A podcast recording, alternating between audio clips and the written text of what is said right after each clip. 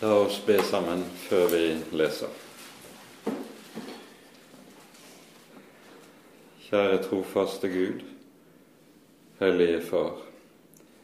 Vi takker og lover deg at vi på ny skal forsamles om ditt ord i ditt hellige navn.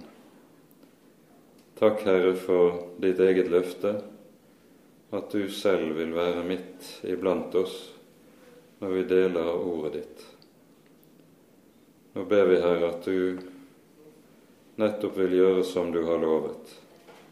Send din Hellige Ånd og lukk opp ordet og skriv ordet ditt inn i våre hjerter, at vi må få leve, at vi må få kjenne Jesus og bli bevart inntil målet. Herre, kom og forbarm deg over oss.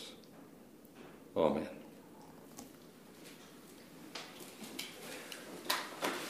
Når vi nå gir oss inn i det tiende kapittelet i apostlenes gjerninger, så står vi ved et avgjørende Kanskje vi skal bruke ordet vendepunkt i apostlenes gjerninger, i det vi nå hører om eh, de første hedningenes omvendelse. Tidligere i kapittel 8 har vi jo hørt om den etiopiske hoffmann, men han var høyst sannsynlig en proselytt, altså en som eh, var innlemmet i jødisk tro ved omskjærelse og dåp, sånn som skikken var. Og derfor, selv om han var etioper, så hørte han likevel til og ble regnet som hørende til det jødiske folk. De som nå får høre evangeliet og innlemmes i den kristne menighet, de er ikke slike. De er hedninger, uh, uomskårne, og det betyr at vi med dette er nådd så å si til det tredje stadiet i apostlenes gjerninger, når Jesus eh, i kapittel 1 før sin himmelfart sier at apostlene skal bli i Jerusalem og vente Eh, på Ånden som skal bli utgitt, og så skal de være hans vitner i Jerusalem og Judea, i Samaria og så like til jordens ender, så gis det så å si her de tre hovedstadier i evangeliets utbredelse. Jerusalem og Judea eh, det markeres ved åndsutgytelsen på pinsedag. Når evangeliet kommer til Samaria, som vi hører det i kapittel 8, så hører vi der også om en særlig åndsutgytelse. Og så, når vi kommer til kapittel 10, og begynnelsen på det som skal nå til jordens ender, er altså eh, det, det vi hører om her i kapittel 10. Det er også ledsaget av en særlig åndsutgivelse.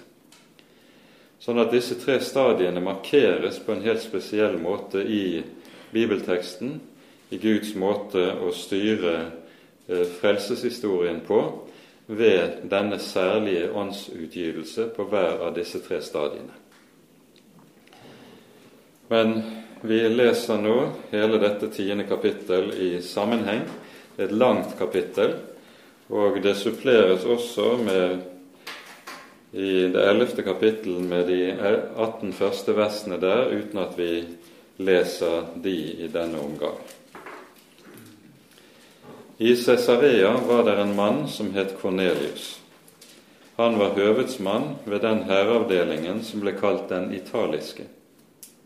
Han var en from mann og fryktet Gud med hele sitt hus. Han ga mange almisser til folket og ba alltid til Gud. En dag, det var omkring den niende time, så han tydelig i et syn en Guds engel som kom inn til ham og sa, Kornelius. Kornelius stirret forferdet på ham og sa, Hva er det, Herre? Engelen svarte ham, Dine bønner og almisser er steget opp for Guds åsyn, så han er blitt minnet om deg. Send nå noen menn til Jaffa for å hente til deg en mann ved navn Simon, som kalles med tilnavn Peter. Han er gjest hos garveren Simon, som har et hus ved havet. Da engelen som talte til ham, var borte, tilkalte han to av tjenerne sine og en gudfryktig soldat, en av dem han alltid hadde om seg. Og da han hadde fortalt dem alt, sendte han dem av sted til Jaffa. Dagen etter, mens de var på vei dit og nærmet seg byen, gikk Peter opp på taket for å be. Det var omkring den sjette time. Han ble da sulten og ville ha noe å ete. Mens de nå laget i stand, kom det en henrykkelse over ham. Han ser himmelen åpnet og noe som kommer dalende ned. Det så ut som en stor linduk som ble senket ned på jorden etter de fire hjørnene. På den var det alle slags firfødte dyr og jordens kryp og himmelens fugler. Og en røst kom til ham, Stå opp, Peter, slakt og et. Men Peter svarte, På ingen måte, Herre. Aldri har jeg spist noe vanhellig eller urent. Og en røst kom igjen til ham for annen gang. Det som Gud har renset, skal ikke du kalle urent. Dette hendte tre ganger, og så ble duken straks tatt opp til himmelen igjen. Men mens Peter var i villrede med seg selv om hva dette synet som han hadde sett, skulle bety, se, da sto de menn som var utsendt av Kornelius ved døren. De hadde spurt seg frem til Simons hus. Nå ropte de inn og spurte om Simon med tilnavnet Peter var gjest der. Mens Peter grunnet på synet, sa Ånden til ham, Se, her er tre menn som leter etter deg. Stå opp og gå ned. Følg med dem uten å tvile, for det er jeg som har sendt dem. Peter gikk da ned til mennene og sa, Se, jeg er den dere leter etter. Hva er grunnen til at dere er kommet hit? De svarte, Høvedsmannen, Kornelius, en rettferdig og gudfryktig mann som har godt vitnesbyrd av hele det jødiske folk, fikk det budskap fra en hellig engel at han skulle hente deg til sitt hus og høre et budskap fra deg. Så ba Peter dem inn og ga dem husrom, og neste dag brøt han opp og dro av sted sammen med dem. Noen av brødrene fra Jaffa gikk med ham. Dagen etter kom de til Cesarea. Kornelius ventet dem. Han hadde bedt sammen sine slektninger og nærmeste venner. Da nå Peter var på vei inn, gikk Kornelius ham i møte, falt ned for føttene hans og tilba ham. Men Peter reiste ham opp og sa, Stå opp, også jeg er et menneske. Og han samtalte med han mens han gikk inn i huset, og der fant han mange samlet. Han sa til dem, Dere vet hvor utillatelig det er for en jøde å ha samkvem med noen av et annet folk, eller å gå inn til ham. Men Gud har vist meg at jeg ikke skal kalle noe menneske vanhellig eller urent. Derfor kom jeg også uten innvendinger da jeg ble budsendt. Men nå spør jeg, hvorfor har dere sendt bud etter meg? Kornelius sa da, for fire dager siden, det var da som nå ved den niende time, var jeg i bønn hjemme i huset mitt, og se, en mann i lysende klær sto foran meg, og han sa, Kornelius, din bønn er hørt, og dine almisser er husket for Guds ansikt. Send derfor bud til Jaffa, og kall til deg Simon med tilnavnet Peter. Han er gjest hos gaveren Simon som bor nede ved havet. Når han kommer hit, skal han tale til deg. Derfor sendte jeg straks bud til deg, og du gjorde vel i at du kom. Nå er vi da alle til stede for Guds åsyn, for å høre alt som er pålagt deg av Herren. Peter begynte da å tale, og han sa:" Jeg skjønner i sannhet at Gud ikke gjør forskjell på folk, men blant hvert folk tar han imot dem som frykter ham, og gjør rettferdighet. Det ordet som han sendte til Israels barn da han i evangeliet forkynte fred ved Jesus Kristus, han er alles Herre. Det kjenner dere, dette ordet som er gått ut over hele Judea. Det hadde sin begynnelse fra Galilea, etter den dåp som Johannes forkynte, og taler om at Gud salvet Jesus fra Nasaret med Den hellige ånd og kraft, han som gikk omkring og gjorde vel og helbredet alle dem som var underkuet av djevelen, fordi Gud var med ham. Vi er vitner om alt det han gjorde, både i jødenes land og i Jerusalem, han som de drepte ved å henge ham på et tre. Ham reiste Gud opp på den tredje dagen og lot ham åpenbare seg, ikke for hele folket, men for de vitner som forut var utvalgt av Gud, for oss, vi som åt og drakk sammen med ham etter at han var stått opp fra de døde. Han bød også forkynne for folket og vitne at han er den som Gud har satt til å være dommer over levende og døde. Ham gir alle profetene det vitnesbyrd at hver den som tror på ham, får syndenes forlatelse ved hans navn. Mens Peter ennå talte disse ord, falt Den hellige ånd på alle dem som hørte ordet, og alle de troende som tilhørte de omskårne, og som var kommet med Peter, ble forferdet over at Den hellige ånds gave var blitt utgitt også over hedningene. For de hørte dem tale med tunger og lovprise Gud. Da sa Peter, kan vel noen nekte dem vannet, så de ikke skulle bli døpt, disse som har fått Den hellige ånd, like som vi? Og han bød at de skulle bli døpt i Jesu Kristi navn. De ba ham da å bli hos dem i noen dager. Amen.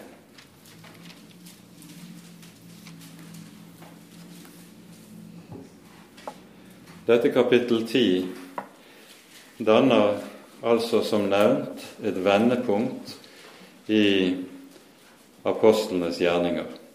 For fra nå av, med unntak av et mellomspill i kapittel 12, så kommer resten av apostelgjerningene til å handle om misjonen blant hedninger.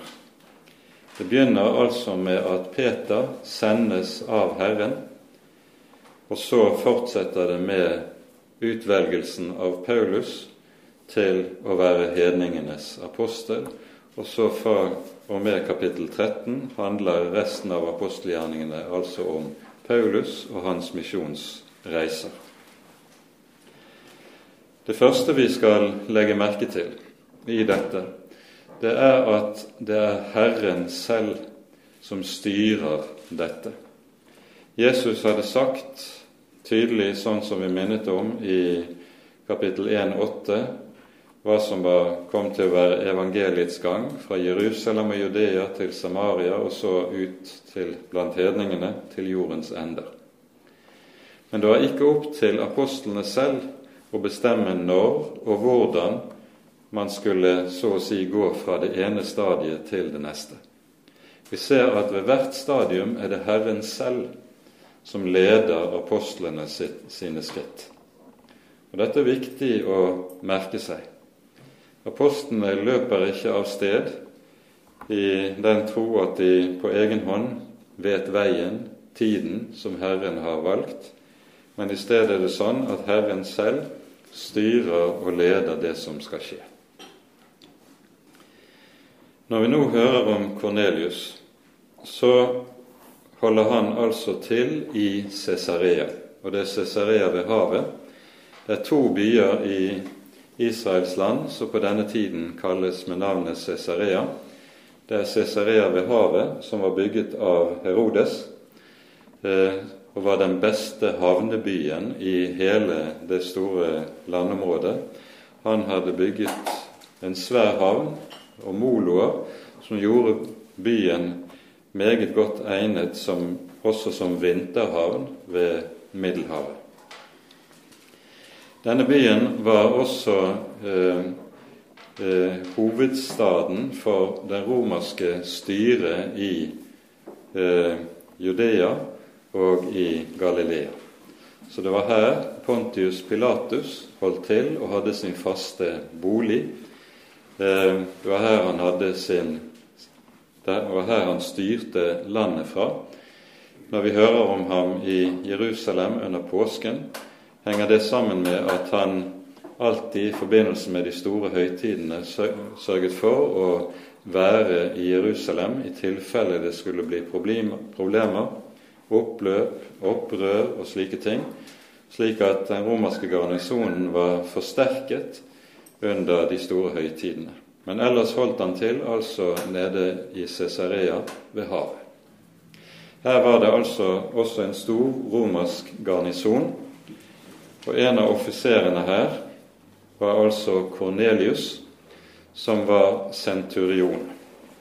Det betyr at han hadde kommando over 100 mann, og eh, i den romerske hæren var det slik at den var inndelt i Den minste avdelingen var altså på 100 mann.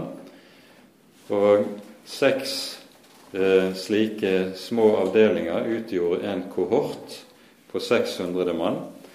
Og ti kohorter utgjorde en legion, som altså talte 6000 mann. Og i eh, Cesarea var den tiende legion eh, plassert som var en betydelig eh, og meget kraftfull hærstyrke. Avdelingen, eller kohorten, der eh, Cornelius, altså en av offiserene, kalles for den italiske. Det betyr at den bestod av menn som kom fra eh, Italias landområde, og som regel innebar det at disse også var romerske borgere, hvilket satte denne hæravdelingen i en særstilling. Den hadde en særlig ærestilling i den romerske hæren. Og vi finner arkeologisk flere innskrifter som viser til akkurat denne hæravdelingen i områdene eh, nede i det nære Midtøsten. Her er det altså at Kornelius er en underoffiser. Ehm, det sies om ham, som vi hører i vers 2, han var en from mann som fryktet Gud med hele sitt hus. Han ga mange almisser til folket og ba alltid til Gud. Dette betyr at han hører med ikke som en av proselyttene, altså en som har gått over til jødisk tro fullstendig ved omskjærelse og dåp, men til disse som kalles for de gudfryktige, som altså deler den jødiske tro uten å ha latt seg innlemme i det jødiske folk.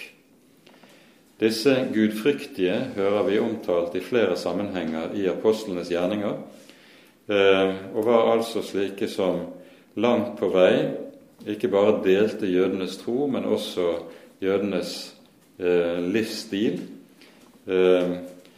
Og dette kommer til uttrykk, som vi hører det her, at han det står han ba alltid. Det sikter til at han overholdt eh, de jødiske bønnetidene. Tre ganger om dagen.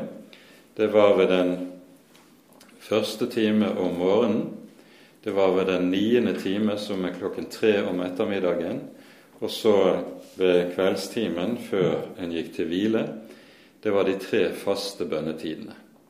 Og Kornelius overholder altså denne praksis blant jødene, der en ba Salmenes bok etter foreskrevet ordning, hvilket også innebærer at Kornelius antagelig også har lært det hebraiske språk for å kunne ta del i dette. Når det taler om almisser, så er noe som i jødisk lovformhet kalles for rettferdighet. Det, og eh, Jesus er inne på dette i eh, bergprekenen, og han sier f.eks.: Ta dere i vare for å øve deres rettferdighet for menneskenes øyne. Da sikter han nettopp til det å gi almisser, eh, som ble kalt med denne benevnelsen å øve rettferdighet. Når en gjorde dette, så skulle en sørge for at dette ikke ble blåst i basun men ble gjort i det stille. Men vi forstår at Kornelius er en mann som tar sin tro på dypt alvor.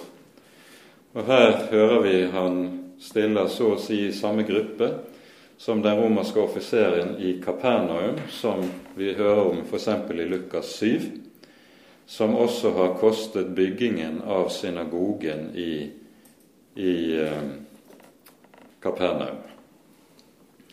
Så det var Kornelius er ikke alene. Det er tydelig at det er flere av disse som hører til okkupasjonsmakten, som har følt seg dradd imot jødenes tro og gudsdyrkelse. Det som vi skal merke oss, det er at det brukes jo sterke ord om Kornelius' fromhet i denne sammenheng. Han var en from mann, han fryktet Gud med hele sitt hus, ga mange almisser, og han ba alltid til Gud, men han var ikke frelst. Han var ikke frelst. I eh, kapittel 11 føyes det til en viktig detalj når det berettes om eh, budskapet som Kornelius får fra engelen. Um, Peter sier her at engelen sa til Kornelius, det står i vers 14 i det 11. kapittel, at han skal tale ord til deg som du skal bli frelst ved, du og hele ditt hus. Med dette understreker Det nye testamentet med stor tydelighet at det går meget godt an å leve et meget fromt, meget rettskaffent liv der bønn og menneskekjærlighet eh, utgjør en stor del av livet, uten likevel å være et frelst menneske. Frelse er noe som ene og alene gis ved troen på Jesus. Og Derfor er det det som Peter skal forkynne for Kornelius, han skal forkynne budskapet om Jesus til frelse. Og så er det altså at Herrens engel åpenbarer seg for ham mens han er i bønn. Det samme skjer jo for Peter når han får sitt syn eh, fra himmelen. Eh, det skjer også når han er i bønn på taket. Det sies at Peter har gått opp på taket for å be ved den sjette time. Det var ikke en av de faste bønnetidene, men eh, det innebærer antagelig at Peter har vært en bønnens mann i særlig betydning, som også bar langt hyppigere enn de vanlige bønnetidene som skulle overholdes. Det Kornelius da umiddelbart gjør, det han sender to av sine tjenere, det er antagelig slaver fra hans hus, og en gudfryktig soldat. Og disse, Det fremgår jo av sammenhengen som vi forstår det. De har delt Kornelius sin tro og overbevisning. Han hadde slike omkring seg i sitt hus som ikke var fremmed for hans tro og hans gudsdyrkelse. Og Når han sender dem av sted til Jaffa, så er det en avstand mellom Cesarea og Jaffa som er på 50 km. Og når man går til fots, betyr det at det vil normalt være i underkant av to dagsreiser. Og Derfor hører vi at det går fire dager fra de blir sendt av sted, og til de er tilbake igjen i Kornelius sitt hus. Peter holder til hos Simon Gaveren det fortelles i slutten av det niende kapittel om hvordan Peter har reist omkring i kystlandet og forkynt evangeliet frem til han stanser altså i Joppe, eller Jaffa, som byen het, og der bor Simon Gaveren.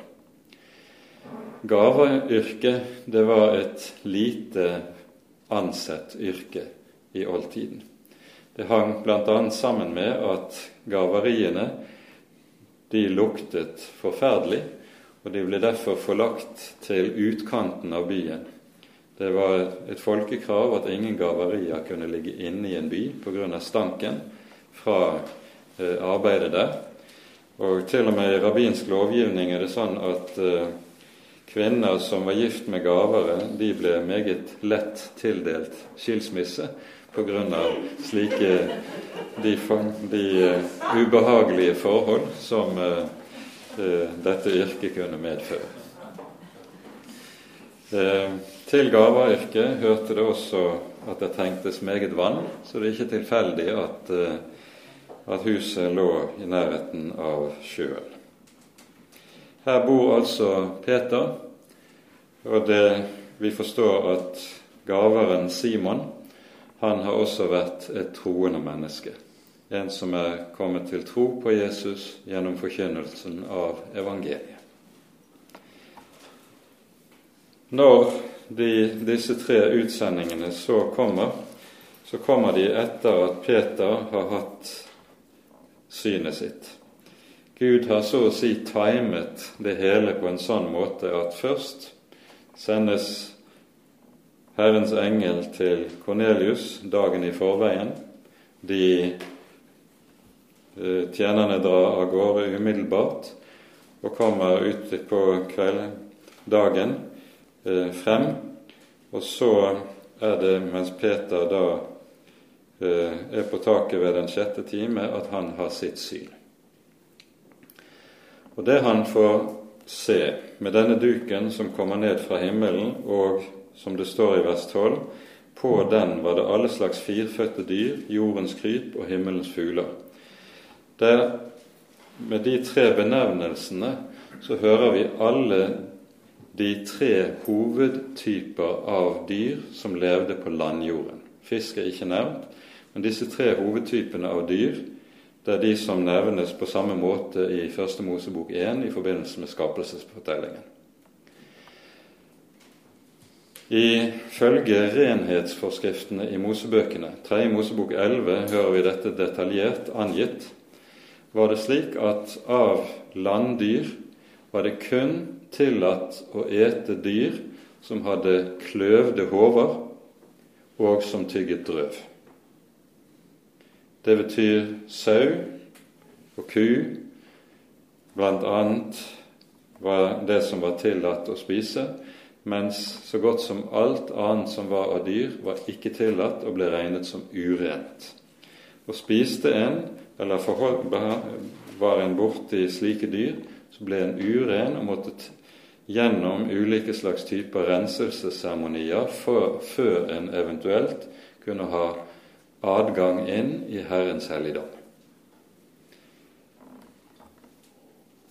Når Peter svarer sånn som han gjør, når Herren sier 'Stå opp, Peter, slakt og et', og Peter svarer 'På ingen måte, Herre'. Aldri har jeg spist noe vanhellig eller urent. Så får vi i dette et meget tydelig bilde av Peter som en lovtro og meget nidkjær jøde når det gjaldt det å overholde forskriftene. Disse forskriftene som har med mat og renhet å gjøre, det er det vi møter gjennom det hebraiske ordet 'kosher'. Det som er kosher, er det som kan spises og er tillatt å spise, det som ikke kosher, er det som er forbudt i henhold til loven.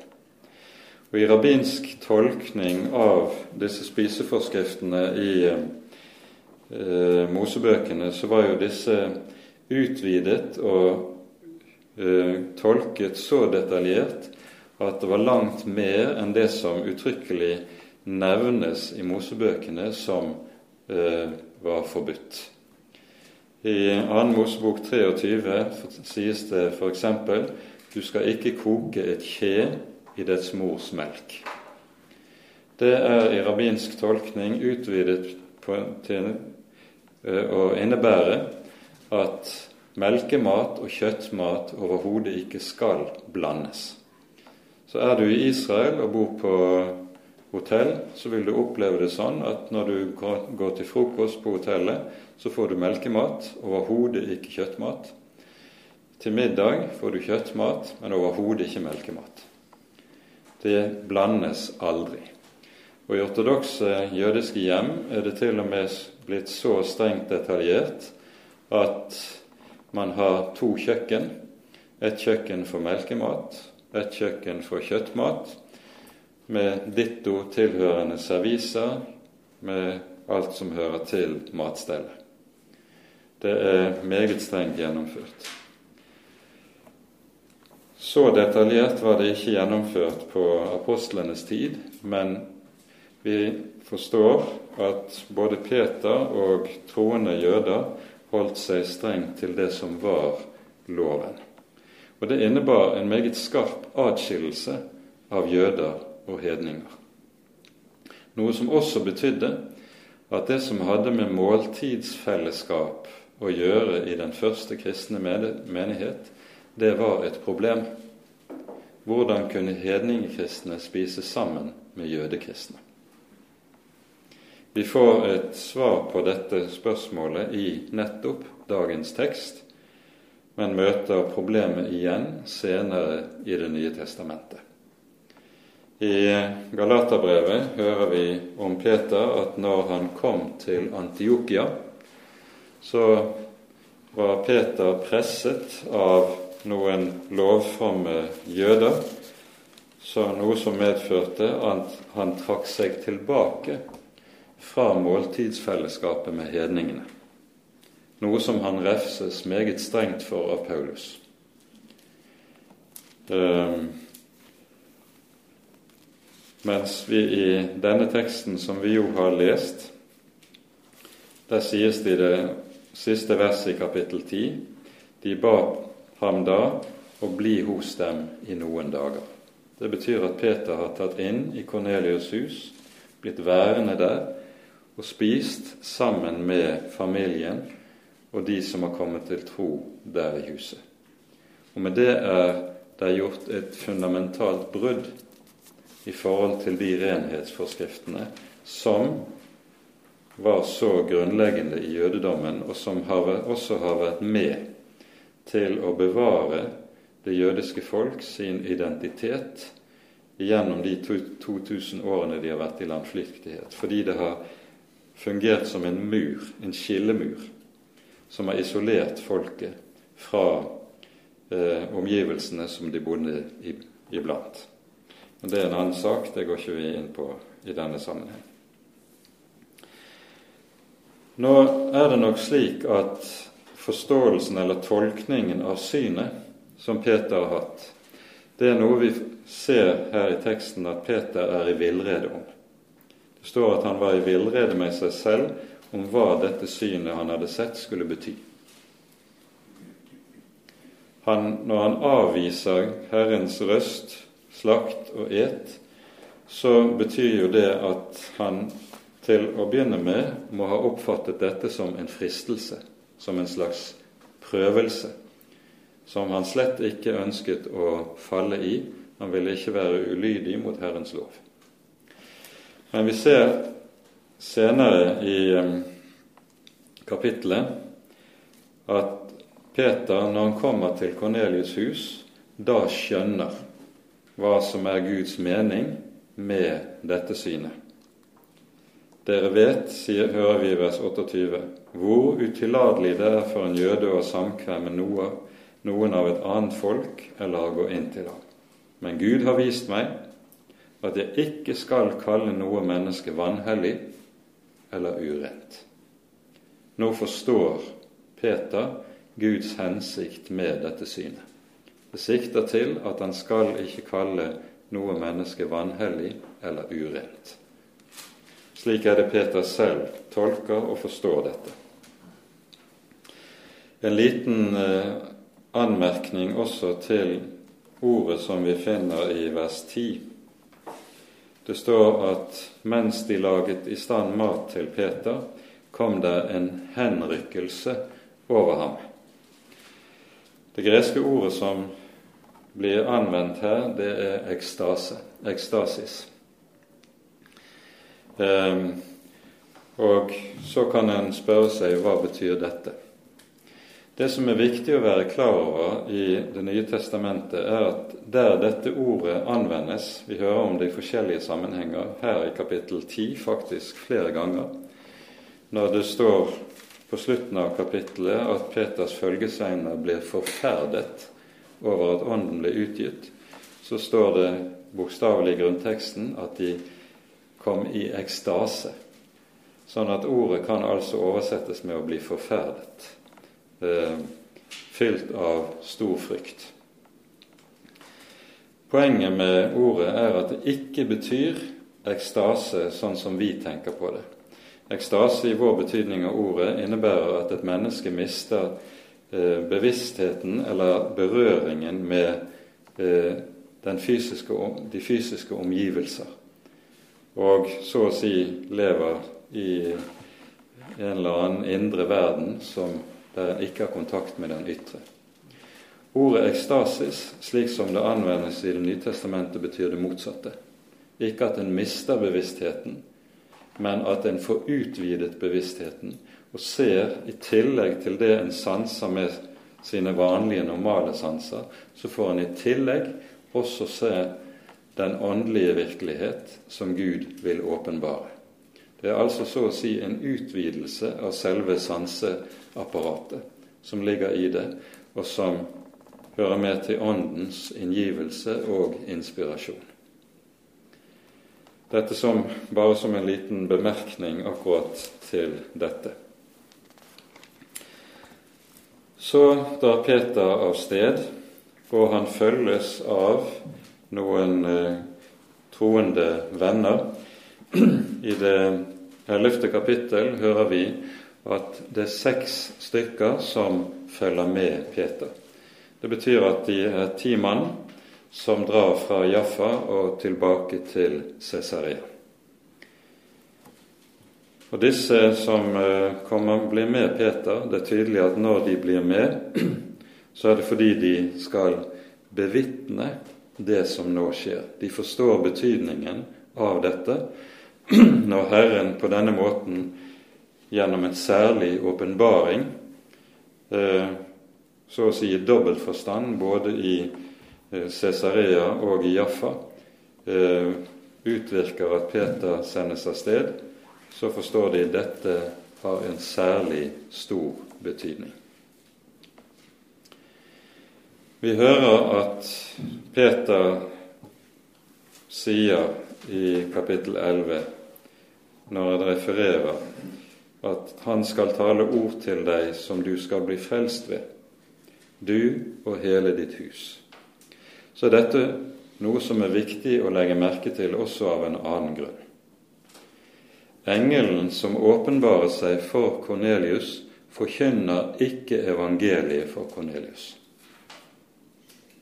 Det engelen i stedet gjør, det er at han gir Kornelius dette vink, denne befaling, at han skal sende bud etter en som kan forkynne ham evangeliet. Gud har nemlig innstiftet den ordning her i tiden at evangeliet skal forkynnes gjennom de tjenere han har kalt til dette. Og Her skal vi kanskje minne særlig om Paulus ord i Efeserbrevet i det fjerde kapittel.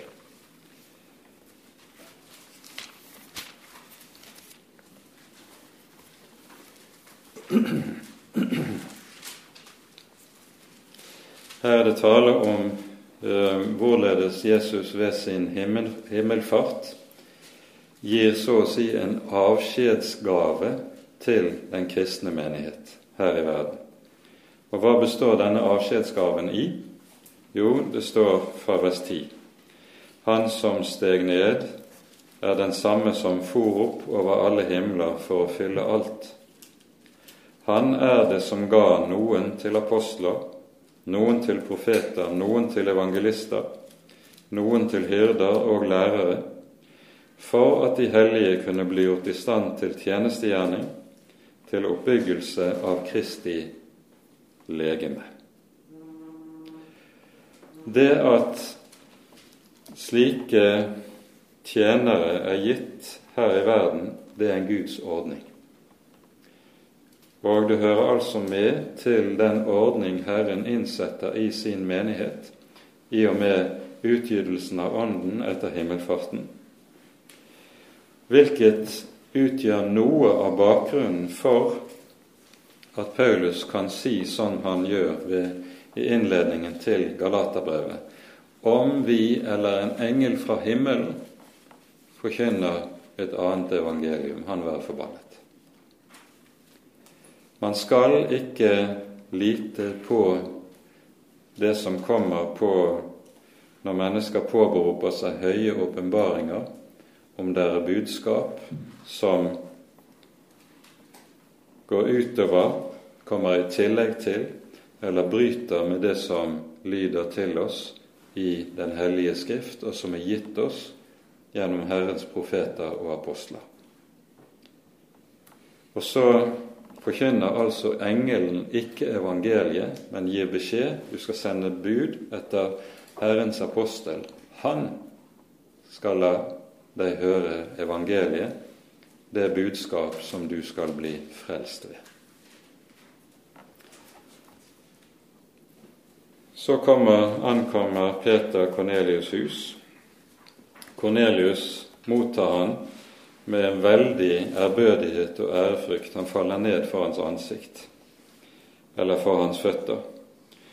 Det som er oversatt med at i vers 25 at Kornelius falt ned for hans føtter og tilba ham, det er et oversettelsesvalg i teksten som antagelig er misforstått. Um, en kunne falle ned for en fyrste, ikke for å tilbe ham, men for å ære ham. Men Peter vil ikke ta til seg en slik ære eller ærbødighet. Han sier sånn som det står, stå opp, jeg er også et menneske. Men når Kornelius mottar Peter med en slik ærbødighet, så er det jo fordi han vet Peter er sendt av Gud. Og Da kan det passe i denne sammenheng å minne om ordene i Jesaja-bokens 52. kapittel. Her står det sånn i det syvende verset, Jesaja 52, 7, følgende. Hvor fagre er på fjellene hans føtter som kommer med gledesbud, som forkynner fred, som bærer godt budskap, som forkynner frelse, som sier til Sion, din Gud er blitt konge. Det hebraiske ordet som her er oversatt med 'for komme med gledesbud' eller 'bære godt budskap', det er et hebraisk ord som i eh, den greske oversettelsen av Det gamle testamentet som var i bruk på denne tiden, det ble oversatt med 'å forkynne evangeliet'. Altså, evangeliet er det gode budskap, det glade budskap, som er omtalt her i Jesaja 52, forkynner fred, din Gud er blitt konge. Det er tale om Han som er fredsfyrsten, som er innholdet i budskapet.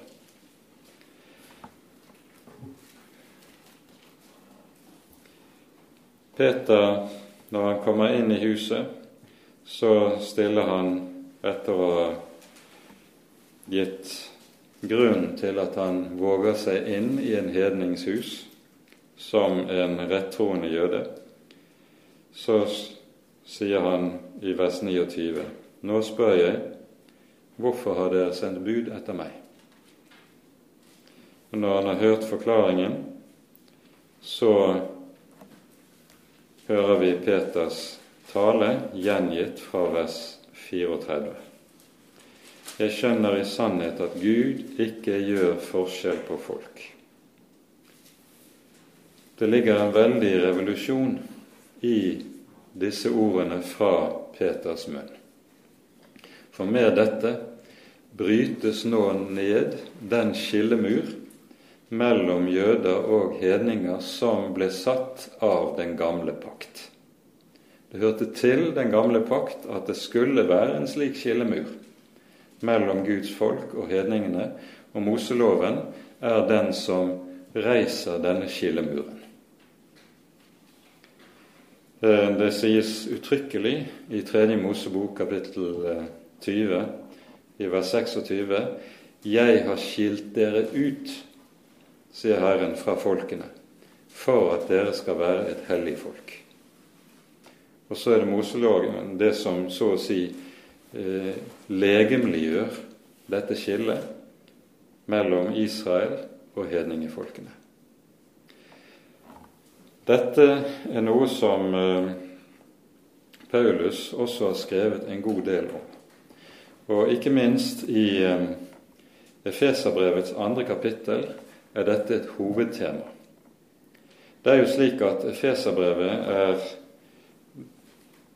menighetsbrevet, det er det det har vært kalt i Det nye testamentet, som på en særlig måte omtaler ulike sider ved hva den kristne menighet er for noe. Og I kapittel 2 behandler Paulus nettopp dette at Gud har gjort skillemuren til intet og forener jøder og hedninger i et nytt gudsfolk. Vi leser Efesane 2 fra vers 11. Det er skrevet altså til en i alt vesentlig hedningekristne menighet. Det forstår vi av de første versene i dette avsnittet. Husk derfor, skriver han, at dere før var hedninger i kjødet og ble kalt uomskårne av de såkalte omskårne, de som med hånden er omskåret på kjødet. Husk at på den, dere på den tid var uten Kristus, utestengt fra Israels borgerrett og fremmede for paktene med deres løfte. Dere var uten håp og uten Gud i verden. Men nå i Kristus Jesus er dere som før var langt borte, kommet nær til ved Kristi blod. For Han er vår fred, Han som gjorde de to til ett, altså jøder og hedninger. Brøt ned det gjerdet som skilte dem, fiendskapet, da han ved sitt kjød avskaffet den lov som kom med bud og forskrifter. Dette gjorde han for i seg selv å skape de to til ett nytt menneske og slik stifte fred. I ett legeme forlike dem begge med Gud ved korset, for der drepte han fiendskapet. Og han kom og forkynte evangeliet om fred for dere som var langt borte, og fred for dem som var nær ved. For gjennom ham har vi begge adgang til Faderen i én ånd så er dere da ikke lenger fremmede og utlendinger, men dere er de helliges medborgere og Guds husfolk. Det betyr at de hedningekristne er innlemmet i det som er Guds folk. Vi hører til Abrahams barn, slik som vi hører det ellers i Det nye testamentet.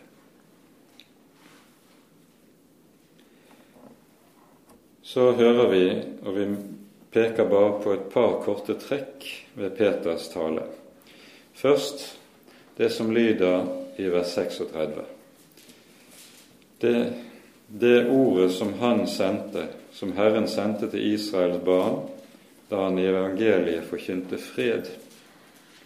Legg merke til at Peter her så å si griper direkte tilbake til Jesaja 52,7. Hvor salige, hvor, hvor fagre er på fjellene deres føtter som forkynner fred, som forkynner godt budskap, som forkynner evangeliet. Når Peter ordlegger seg som vi hører det her i vers 36, så er det tydelig at han forutsetter at disse som er samlet i Kornelius' hus, har hørt en god del om Jesus. Jesus var aldri fysisk i Cesarea. Han var aldri i noen av de byene som ble regnet som hedenske byer i det lovede land. I sin vandring i de tre og et halvt årene Jesus hadde sitt jordiske virke, så befant han seg utelukkende i rent jødiske byer, med unntak av kort besøk i Samaria. Men ryktet om Jesus, det har tydelig nådd ut, og de har kjent til det. Og så ser vi også at Peter tar med døperen Johannes i det han sier om Jesus.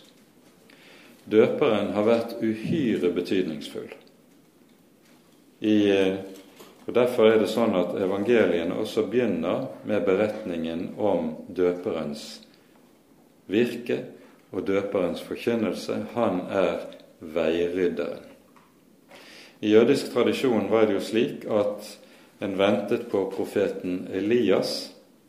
Og når profeten Elias kom, så var det han som skulle salve Messias til hans gjerning som jordens forløser.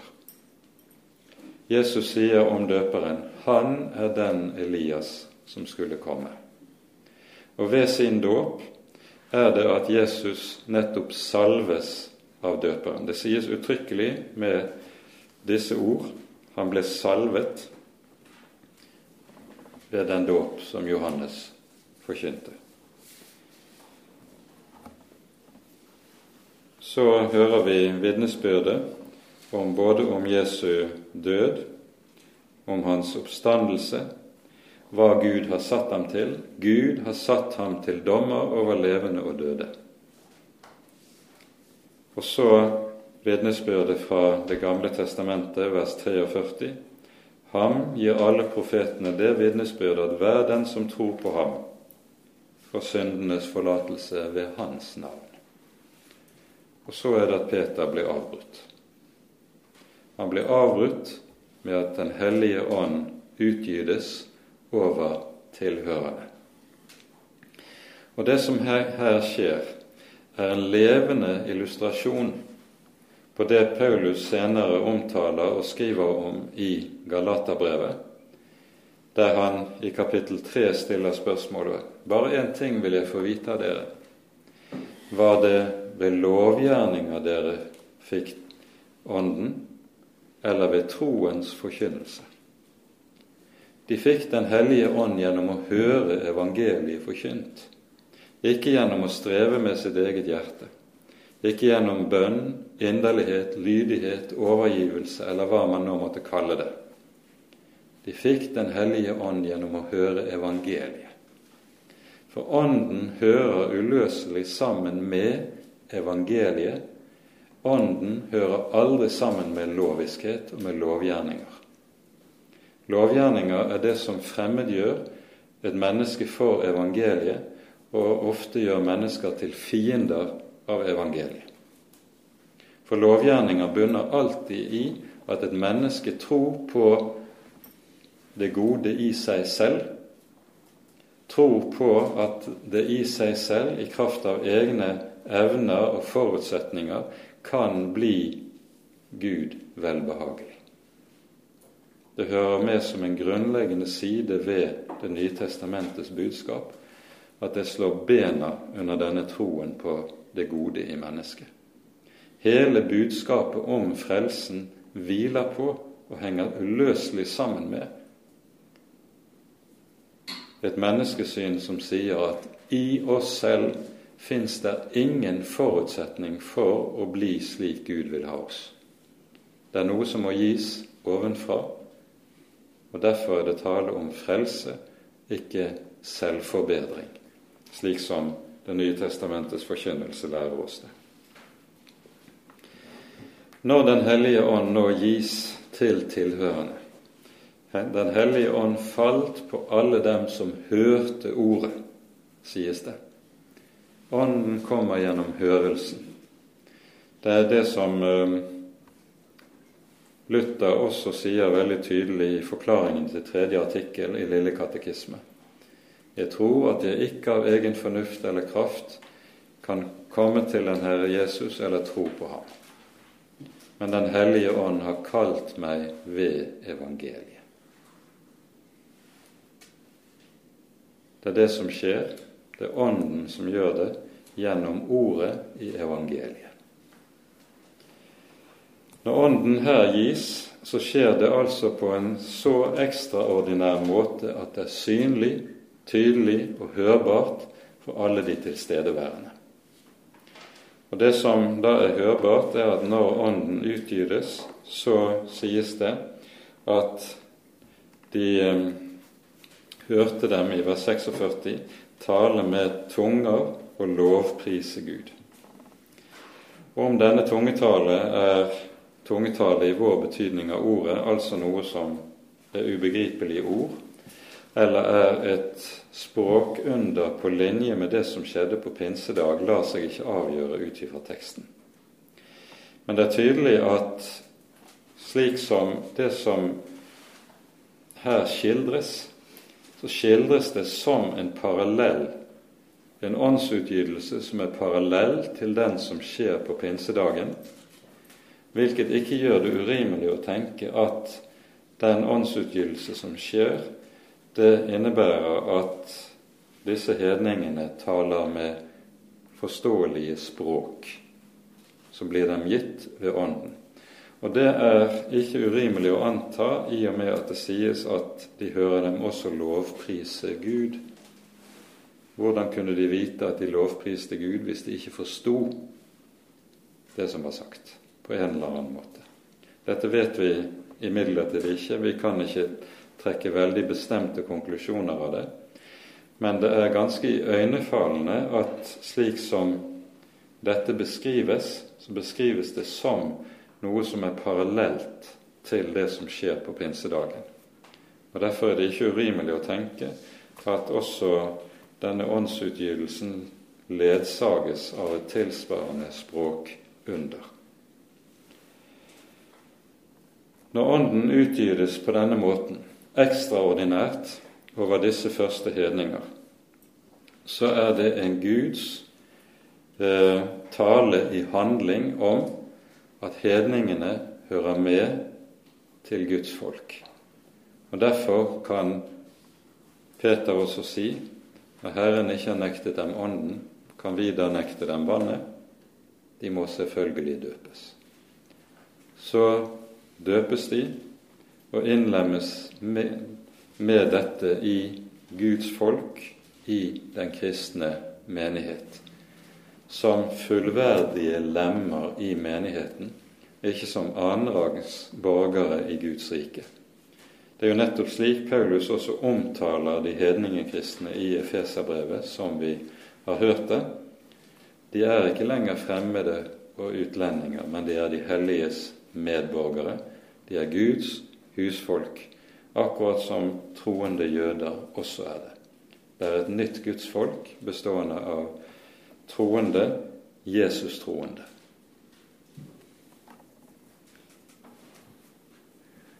Historien er imidlertid ikke slutt med det vi hører her i kapittel 10. Peter kommer noe senere tilbake til Jerusalem og blir da skarpt irettesatt, hører vi i kapittel 11, for at han har gått inn til uomskårne hedninger og spist sammen med dem. Peter må altså stå til rette for de lovtro som hører med i menigheten i Jerusalem. Og så forteller han hva som har skjedd. Eh, og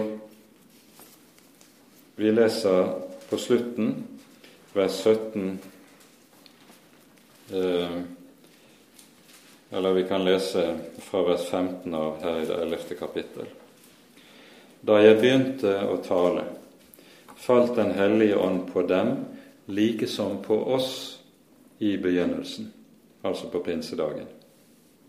Da mintes jeg Herrens ord, at han sa, Johannes døpte med vann, men dere skal døpes med Den hellige ånd.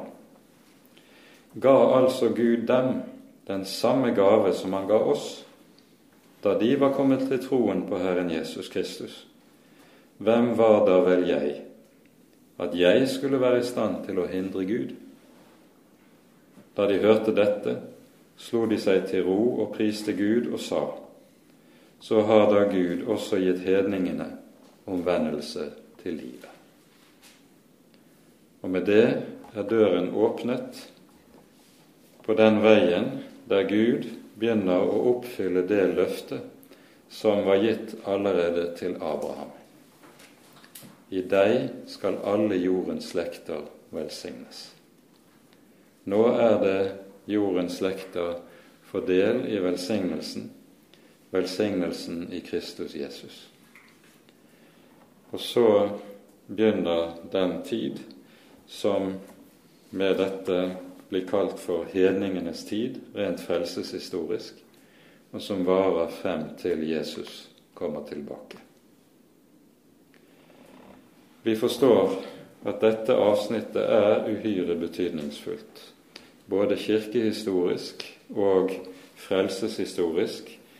Og Derfor er det også slik at Lukas vier denne begivenheten mer plass enn noen annen enkeltbegivenhet som vi hører om i apostlenes gjerninger. For det som her skjer, det får betydning for hele den videre kirkehistorie. Med det setter vi punktum for dagens bibeltime.